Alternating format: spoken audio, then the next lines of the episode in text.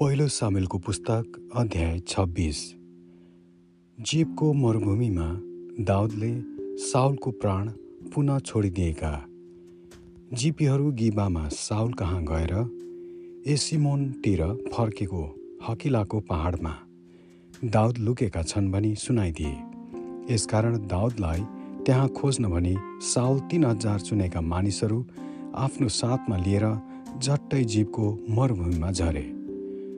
एसिमोनतिर फर्केको हकिलाको पहाडका छेउको बाटैमा उनले आफ्नो छाउनी हाले तर दाउद चाहिँ मरुभूमिमा नै साउल तिनलाई मरुभूमिमा खेद्नलाई आएका छन् भनी सुने बित्तिकै दाउदले चेवाहरू पठाए र साउल अमुक ठाउँमा आइपुगेका छन् भनी पत्ता लगाए। कति पनि ढिलो नगरी तिनी साउदले छाउनी हालेको ठाउँमा गए र साउल र उनका सेनापति नेरका छोरा अबनेर सुतिरहेको ठाउँ देखे। आफ्नो फौजका चारैतिरको छाउनी बनाएर पङ्क्तिहरूका बिचमा साउल सुतिरहेका थिए। दाउदले हित्ती अहिमेलेक र युवाबका भाइ सरुयाका छोरा अभिषयतिर फर्केर भने साउल कहाँ छाउनीभित्र? मसित को जान्छ? अभिषयले जवाब दिए म जानेछु। दाउद र अभिषय राति छाउनीमा पसे। र साउललाई पङ्क्तिहरूका बिचमा उनको भाला चाहिँ सिरानी नेर भुइँमा गाडेर सुतिरहेका भेटाए। अब्नेर र योद्धाहरू चाहिँ साउलका चारैतिर गोलो आकारमा सुतिरहेका थिए। अभिषयले दाउदलाई भने परमेश्वरले तपाईँको शत्रुलाई आज तपाईँको हातमा सुम्पिदिनु भएको छ। भालाले घोचेर एकै खेपमा उनलाई भुइँमा रोपिदिने मलाई हुकुम दिनुहोस्। मैले दुई खेप हिर्काउनै पर्दैन। तर दाउदले तिनलाई भने राजालाई केही हानि नगर।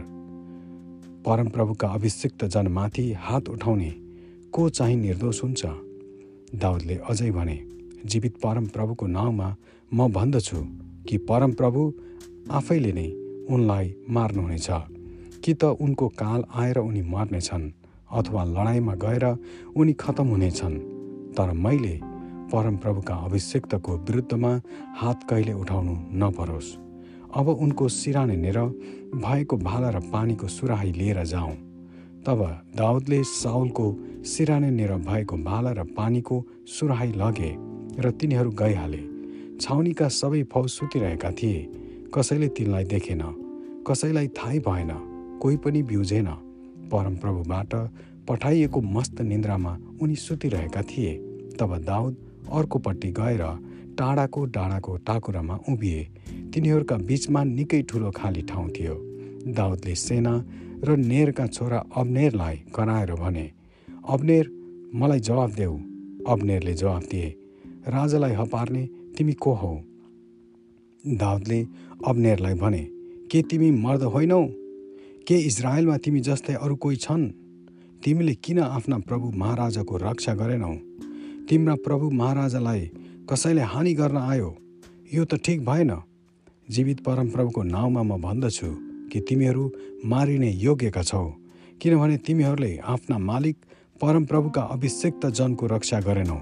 हेर त उहाँको सिरानका छेउको भाला र पानीको सुराई खोइ। साउलको दाउदको स्वर चिनेर भने के तिमी नै हौ मेरा छोरा दाउद?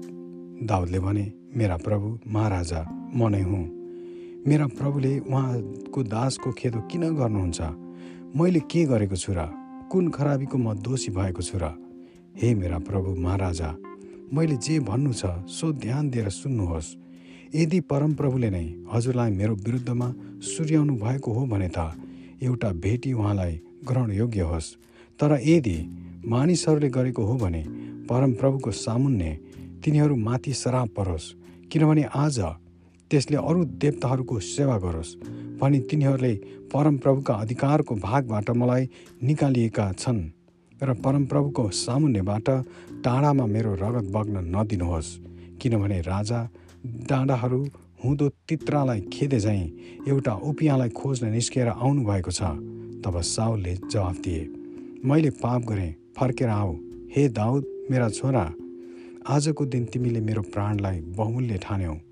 अब फेरि कहिल्यै म तिम्रो हानि गर्ने छैन। म मूर्ख भएँ। मैले साह्रै ठुलो भुल गरेँ। दाउदले जवाब दिए राजाको भाला यहाँ छ। हजुरको कुनै एकजना मानिस आएर त्यो लैजाओस्। परमप्रभुले हरेक मानिसलाई त्यसको धार्मिकता र विश्वसनीयताको निम्ति इनाम दिनुहुन्छ। परमप्रभुले आज मेरो हातमा हजुरलाई सुम्पिदिनु भएको थियो। तर मैले परमप्रभुका अभिषक्त जनमाथि आफ्नो हात उठाउन इन्कार गरेँ। जसरी मैले हजुरको प्राणलाई आज बहुमूल्य सम्झेँ त्यसरी नै परमप्रभुले मेरो प्राण पनि बहुमूल्य सम्झुन् र मलाई सबै आपत्तिदेखि मुक्त गरून्। तब सावलले दाउदलाई भने हे मेरा छोरा दाउद आशिष तिमी माथि परोस्। तिमीले ठुला ठुला कामहरू गर्नेछौ र तिमी विजयी हुनेछौ।